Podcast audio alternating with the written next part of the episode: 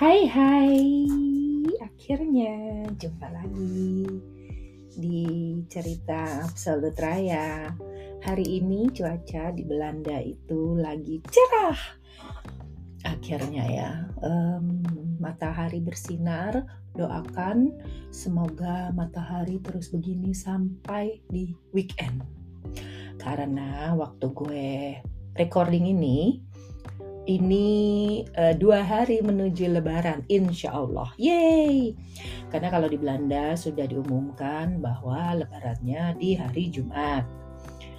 Um, jadi tentu saja berkaitan ya, terkait dengan feeling Lebaran, udah mau deket Idul Fitri, banyak orang. Oh ya, tentu saja gue FOMO udah mulai biasa sih ya cuman tetap gitu ya lihat orang kirim-kiriman gitu ya.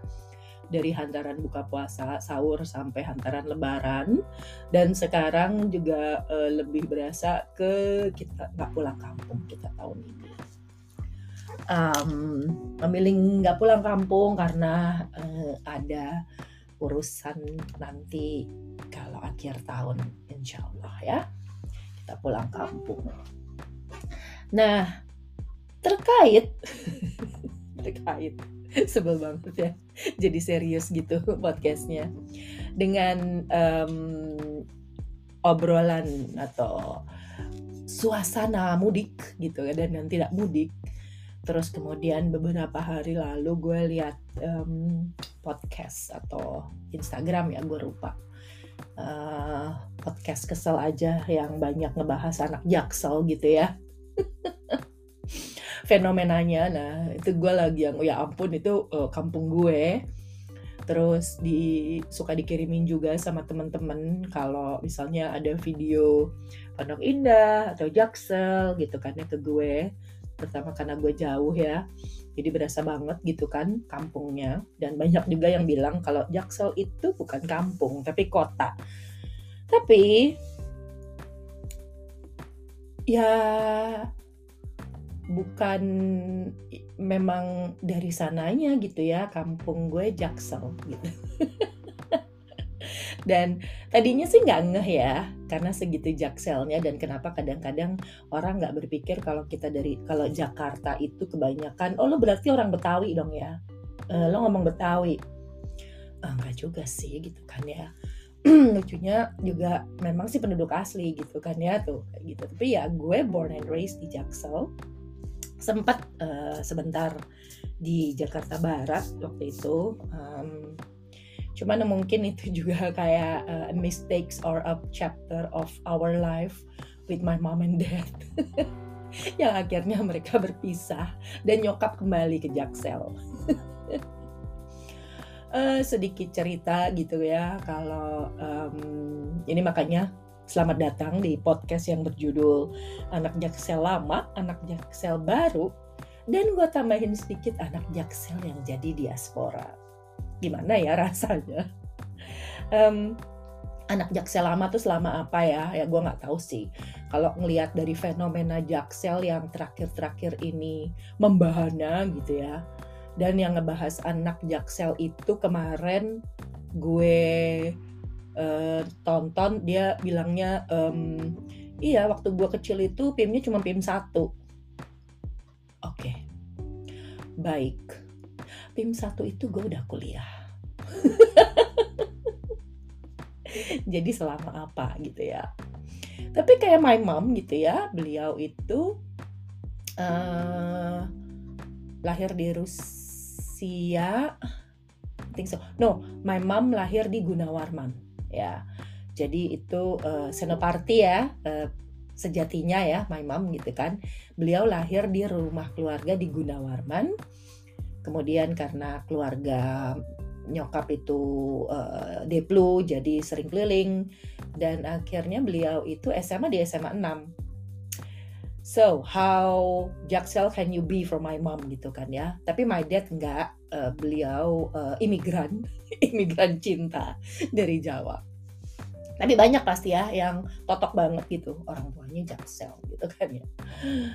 um, gue sendiri lahir di uh, rumah sakit yang sekarang rumah sakitnya itu udah nggak ada kalau nggak salah ya di daerah Blok S rumah sakitnya gue juga lupa namanya apa. Pokoknya di Blok S kalau lo makan uh, bakso dan somai lapangan Blok S itu di pojokan itu ada rumah sakit. Nah itu tempat gue lahir dulu. So I am born in Senopati already. That's why maybe. Anak party dari dulu ya dari lahir gitu. It's in my blood. Um, terus kemudian ya sekolah gitu kan ya. Sekolah sih nggak semua di Jaksel ya gue gitu. Uh, eh um, ada Jaksel uh, di Pancoran terus kemudian SMA di Setiabudi. I thought Setiabudi masih Jaksel atau Jakpus ya gue lupa. Anyway kuliah jauh banget ke Jakbar yaitu di Trisakti. But most of Jaksel anak Jaksel juga ke Trisakti pada saat itu. Um, ya habis itu kerja uh, pertama kali di Blok M um, Well, cut the story short, uh, kalau zaman gue di Jaksel itu pastinya kan dari zaman-zaman SMP, SMA, kuliah, kerja gitu kan ya. Yang kalau sekarang tuh di Insta atau di mana-mana tuh deh yang kayak remembering this is 80s, this is 90s gitu kan. Udah masuk kategori vintage gitu ya. Yang um, pasti kalau ngeliat tuh apa sih kriteria anak dibilang anak jaksel gitu ya. Kalau gue ngeliat uh, dan dan dan gue google seperti biasa ya. Dan itu gue yang berasa aneh banget karena buat gue ya kayak gue ngomong biasa aja terus gue ngerasa lifestyle gue biasa aja. Tapi itu mungkin yang disebut ya lo um, origins ya tuh kan. Mix bahasa Inggris ya um, yang yang emang lo asalnya dari sana gitu. Jadi lo ngerasa buat lo itu normal tapi mungkin buat orang-orang dari daerah lain itu mungkin agak berbeda ya. Gak semua daerah di Indonesia kan juga ngomong bahasa Inggris mix gitu kan. Dan sebetulnya anak jaksel itu nggak maksud gitu ngomong-ngomong kelihatan sombong pakai bahasa Inggris. Karena emang sebetulnya sama gitu kayak lo denger orang dari daerah lain mereka mix antara bahasa Jawa dan bahasa Indonesia. Bahasa Sumatera dengan bahasa Indonesia. Bahasa Sunda dengan bahasa Indonesia. Atau bahasa um, Sulawesi gitu ya. Itu sama gitu dengan ya kita di Jaksel itu entah kenapa mixnya dengan bahasa Inggris gitu kenapa? gitu. Gue ya itu gue google terus gue keluar artikel artikel gitu kan ya. Salah satunya dari detik.com yang gue ngeliat oh ternyata emang dibahas ya fenomena anak jaksel.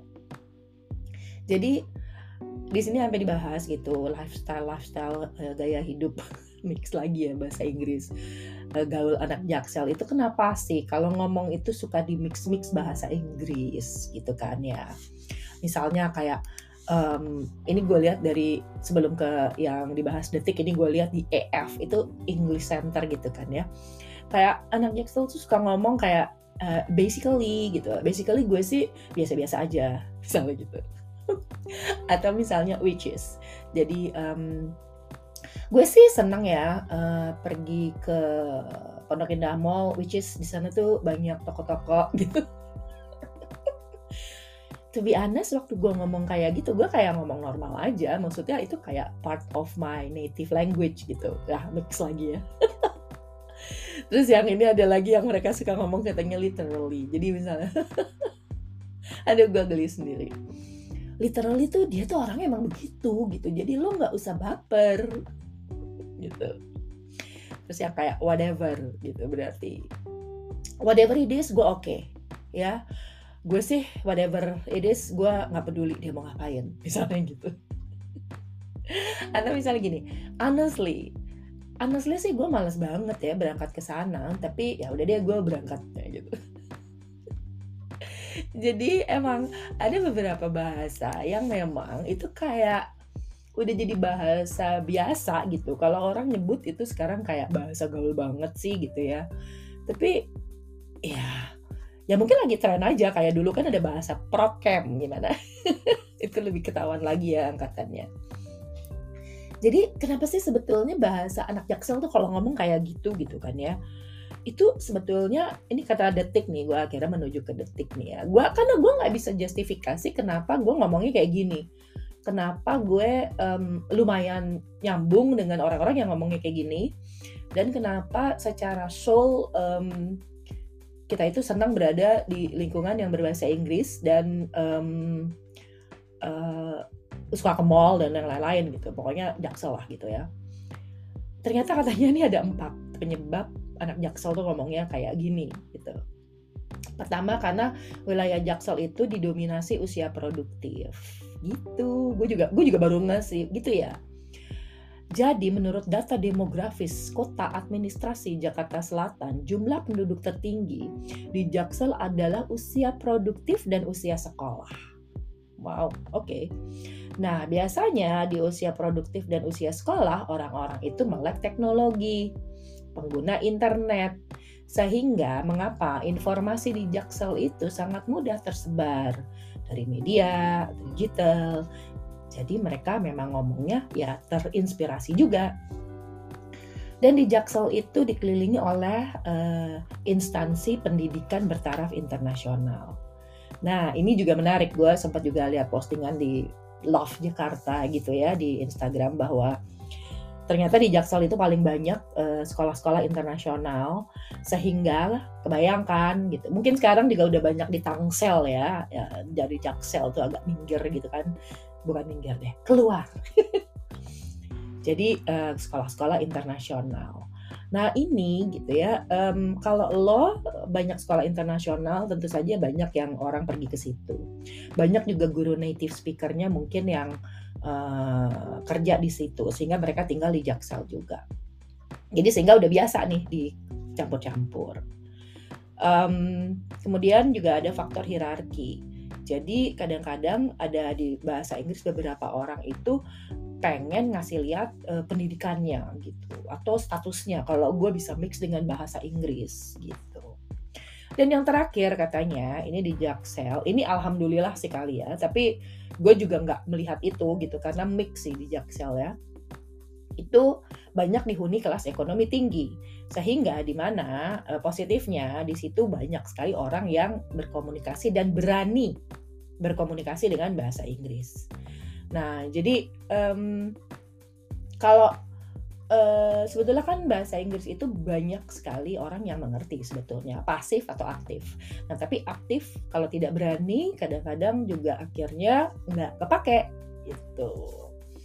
Jadi ya ini um, itu yang istilah menarik-menarik gitu ya di situ.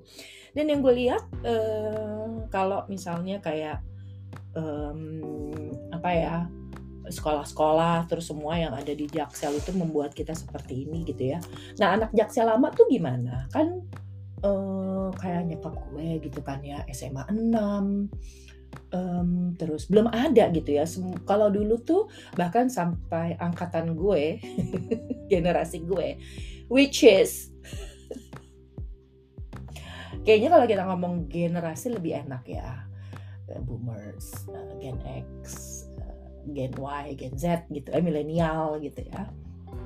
Itu mungkin kayak nyokap yang boomers gitu dan sampai ke generasi gue yang Gen X itu sekolah negeri itu masih megang banget gitu yang semua mix di situ gitu. Sekolah baik tuh di situ gitu. Sekolah untuk masuk tuh susah. Belum ada alternatif international school um, baik dalam format apa pun gitu ya untuk menjadi alternatif pilihan. Jadi kayak nyokap gue masuk SMA 6, SMA 70 gitu kan. Dulu tuh ya tuh pokoknya ngetop-ngetop banget SMA 3 gitu SMA 8 terus ke sini ke sini SMA 34 gitu. Itu banyak banget ya SMA SMA ngetop yang di zamannya boomers dan Gen X. Yang dari situ itu gaulnya itu ada sebutan dulu nih anak kebayoran dan anak menteng. Nah tahu nggak lo istilah itu? Jadi dulu menteng itu juga hits banget gitu karena menteng itu tempatnya pejabat pejabat-pejabat gitu ya. Orde-orde baru lah tuh dulu di situ pemerintah terus um, embassies gitu ya. Jadi emang tuh jadi dulu ada di situ tuh anak menteng dan anak kebayoran. Anak kebayoran nongkrongnya jadi kita karena kita lagi bahas jaksel ya jadi kita bahas kebayoran tentunya. Yang kalau zaman nyokap gue tuh mungkin mereka nongkrongnya di garden hall. Coba kalau lo nggak ngerti garden hall lo coba google. Itu adalah sekarang menjadi lokasinya uh, blok M Mall blok M Plaza bukan blok M Mall blok M Plaza ya. Jadi itu dulu bioskop.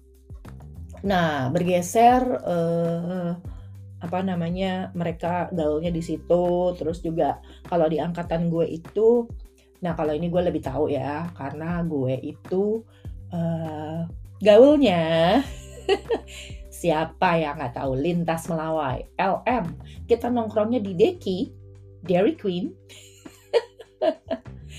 di mana di situ ada tenda mangkal Prambors cuy Woo yang di Prambors itu suka dengerin diary catatan si boy, diarynya Nuka, ya nggak? oh my god, it's just such a good old days. Jadi lintas melawai ya. Kalau Allah tahu lagunya, um, gue lagi males masukin lagu. Jalan sore, kita berjalan-jalan. Kata-kata JJS, jalan-jalan sore, itu hadirnya dari anak lintas melawai, anak LM, Bo. Kalau sore atau siang weekend kita nongkrong di situ. Kalau malam kita ke mana? Kalau malam kita nongkrong di diskotik. Yes, betul. Zaman dulu sebutannya adalah diskotik, bukan klub ya. Jadi kita ke music room, which is itu di Hotel Borobudur ya, di pusat. Atau kita ke La Vuela gitu kan ya. Itu di Panin Center di Semanggi. Uh, no ya di Semanggi dekat Ratu Plaza. Terus uh, itu kalau yang disco disco Ebony um, A Fire siapa yang ingat? Terus ada Stardust menjauh di sana di kota gitu ya. Itu gaul ya gitu ya kalau disco tapi kalau misalnya nggak mau disco dan mau sekalian olahraga, yang sekarang juga kayaknya mulai hits lagi itu adalah rollerblade disco. Yang pilihannya kalau anak jaksel tuh ada dua either local lipstick ya di blok M di tempatnya bowling dulu gitu dan dulu juga ada bioskop di situ. Uh, sekarang kayaknya udah jadi uh, blok M mall uh, pasar blok M ya Uh, dan yang kedua adalah di um, Happy Day. Happy Day itu dulu namanya Aldiron Plaza, ya. Um, yang sekarang jadi Blok M Mall juga, Aldiron Plaza lantai atas. Kita bisa di situ weekend atau hari biasa. Itu kita nongkrong di situ dengerin lagu disco sambil rollerbladean. Au, siapa anak lipstick, siapa anak happy day.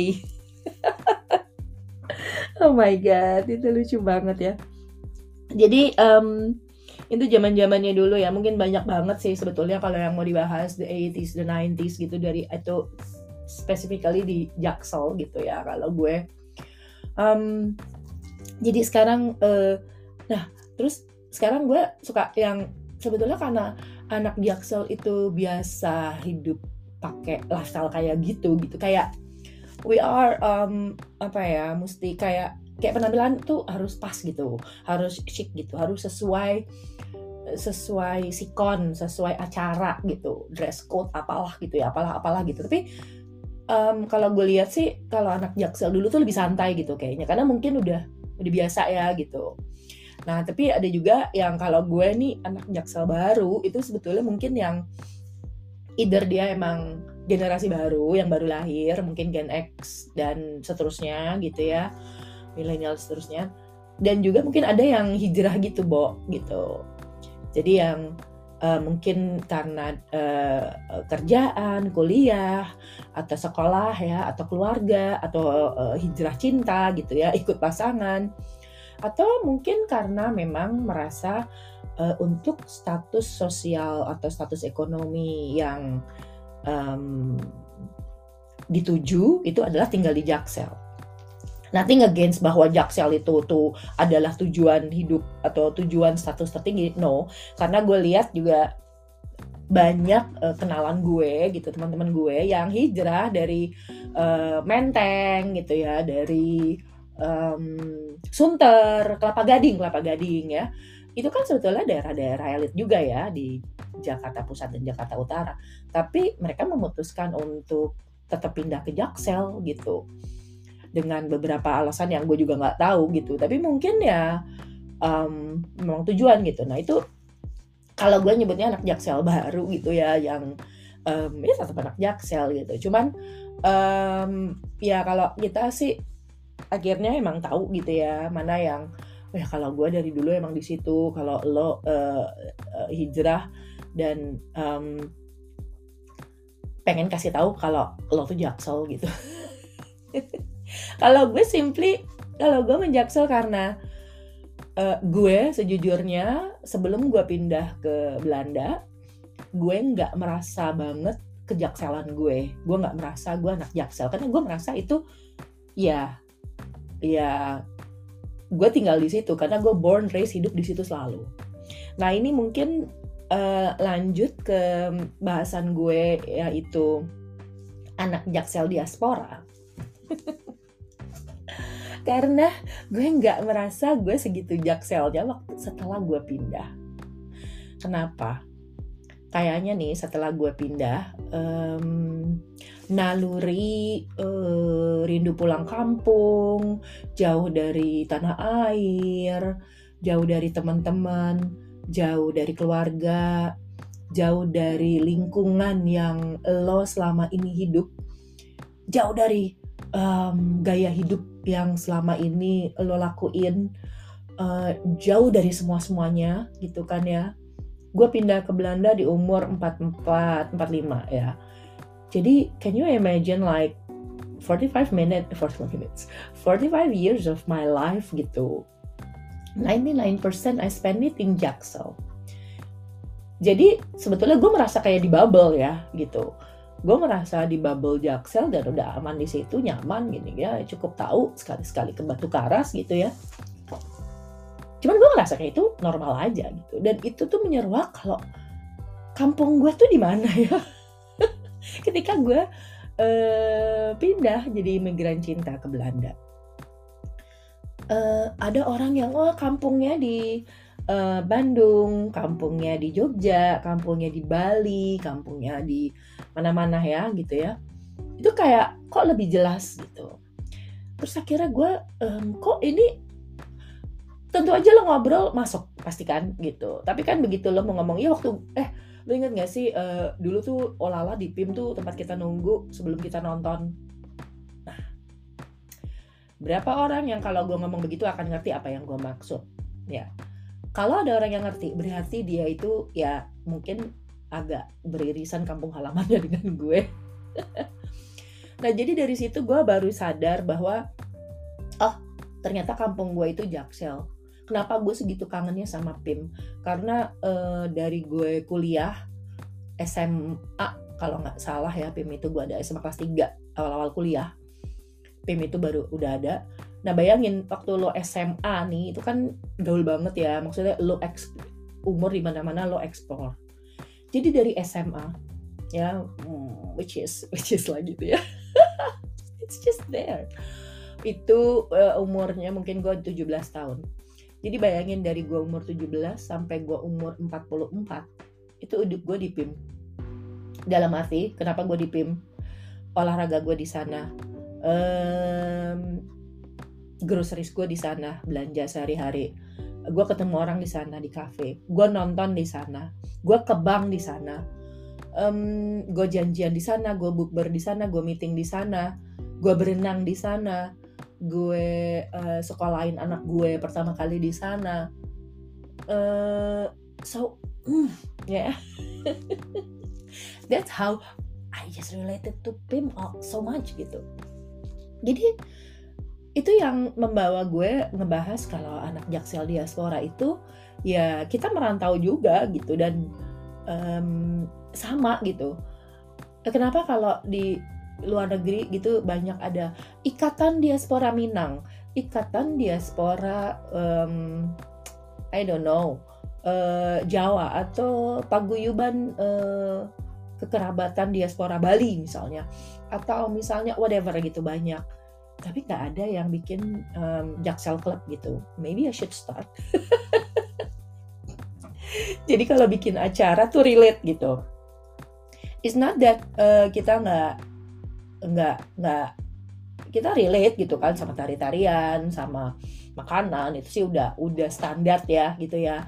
Tapi bahasan-bahasan um, kampung Jaksel itu yang sebetulnya juga bikin kita mengobati rasa rindu kita gitu. Jadi gue merasa bersyukur juga sih sebagai diaspora jauh dan nggak bisa pulang kampung tahun ini. Gue melihat postingan-postingan orang dari Jakarta pulang kampung gitu kan ya, uh, Love Jakarta account gitu macem-macem.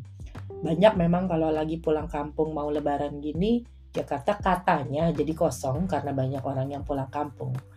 Tapi kalau gue dulu menikmati Jakarta kosong karena itu kampung gue dan akhirnya kotanya menjadi kosong.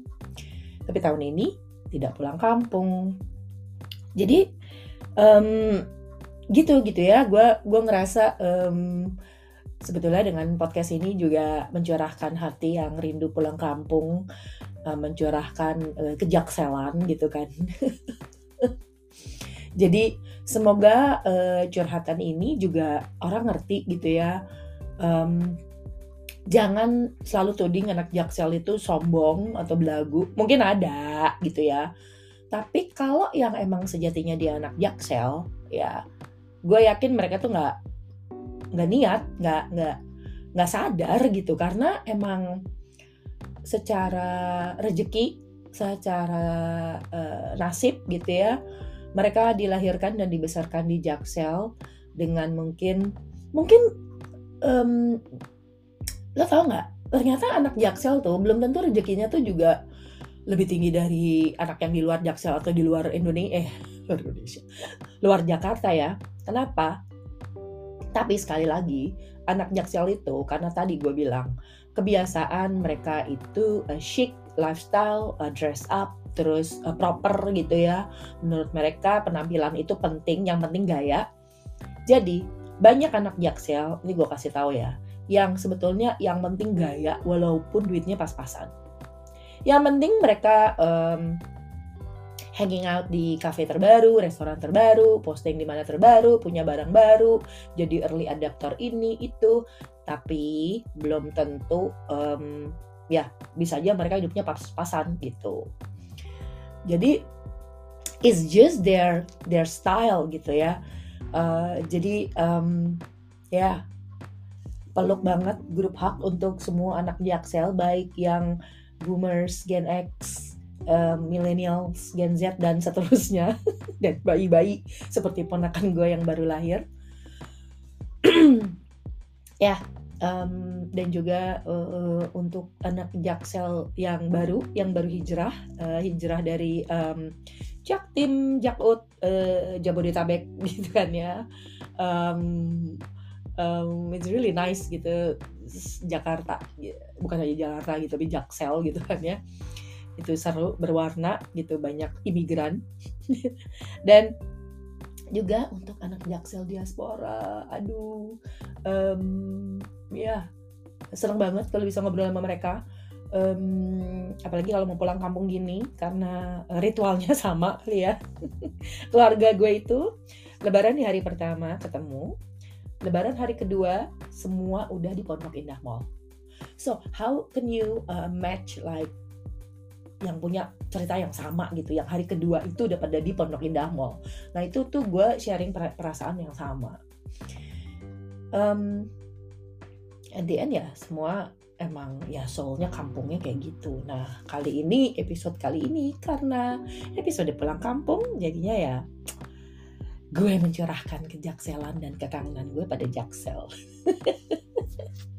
dan ini dia suara semangat terus. Um, namanya juga kita di rantau ya. Dan ya semoga um, kita um, menyongsong lebaran dengan hati yang senang. Kalau ada kritik, saran, input lagi dengerin, aku di tag ya di Absolute Raya ya. Terus Um, maaf lahir batin, selamat lebaran. Mohon maaf kalau selama ini di podcast ada yang kurang-kurang. Gerucut saat keruningan. Dadah.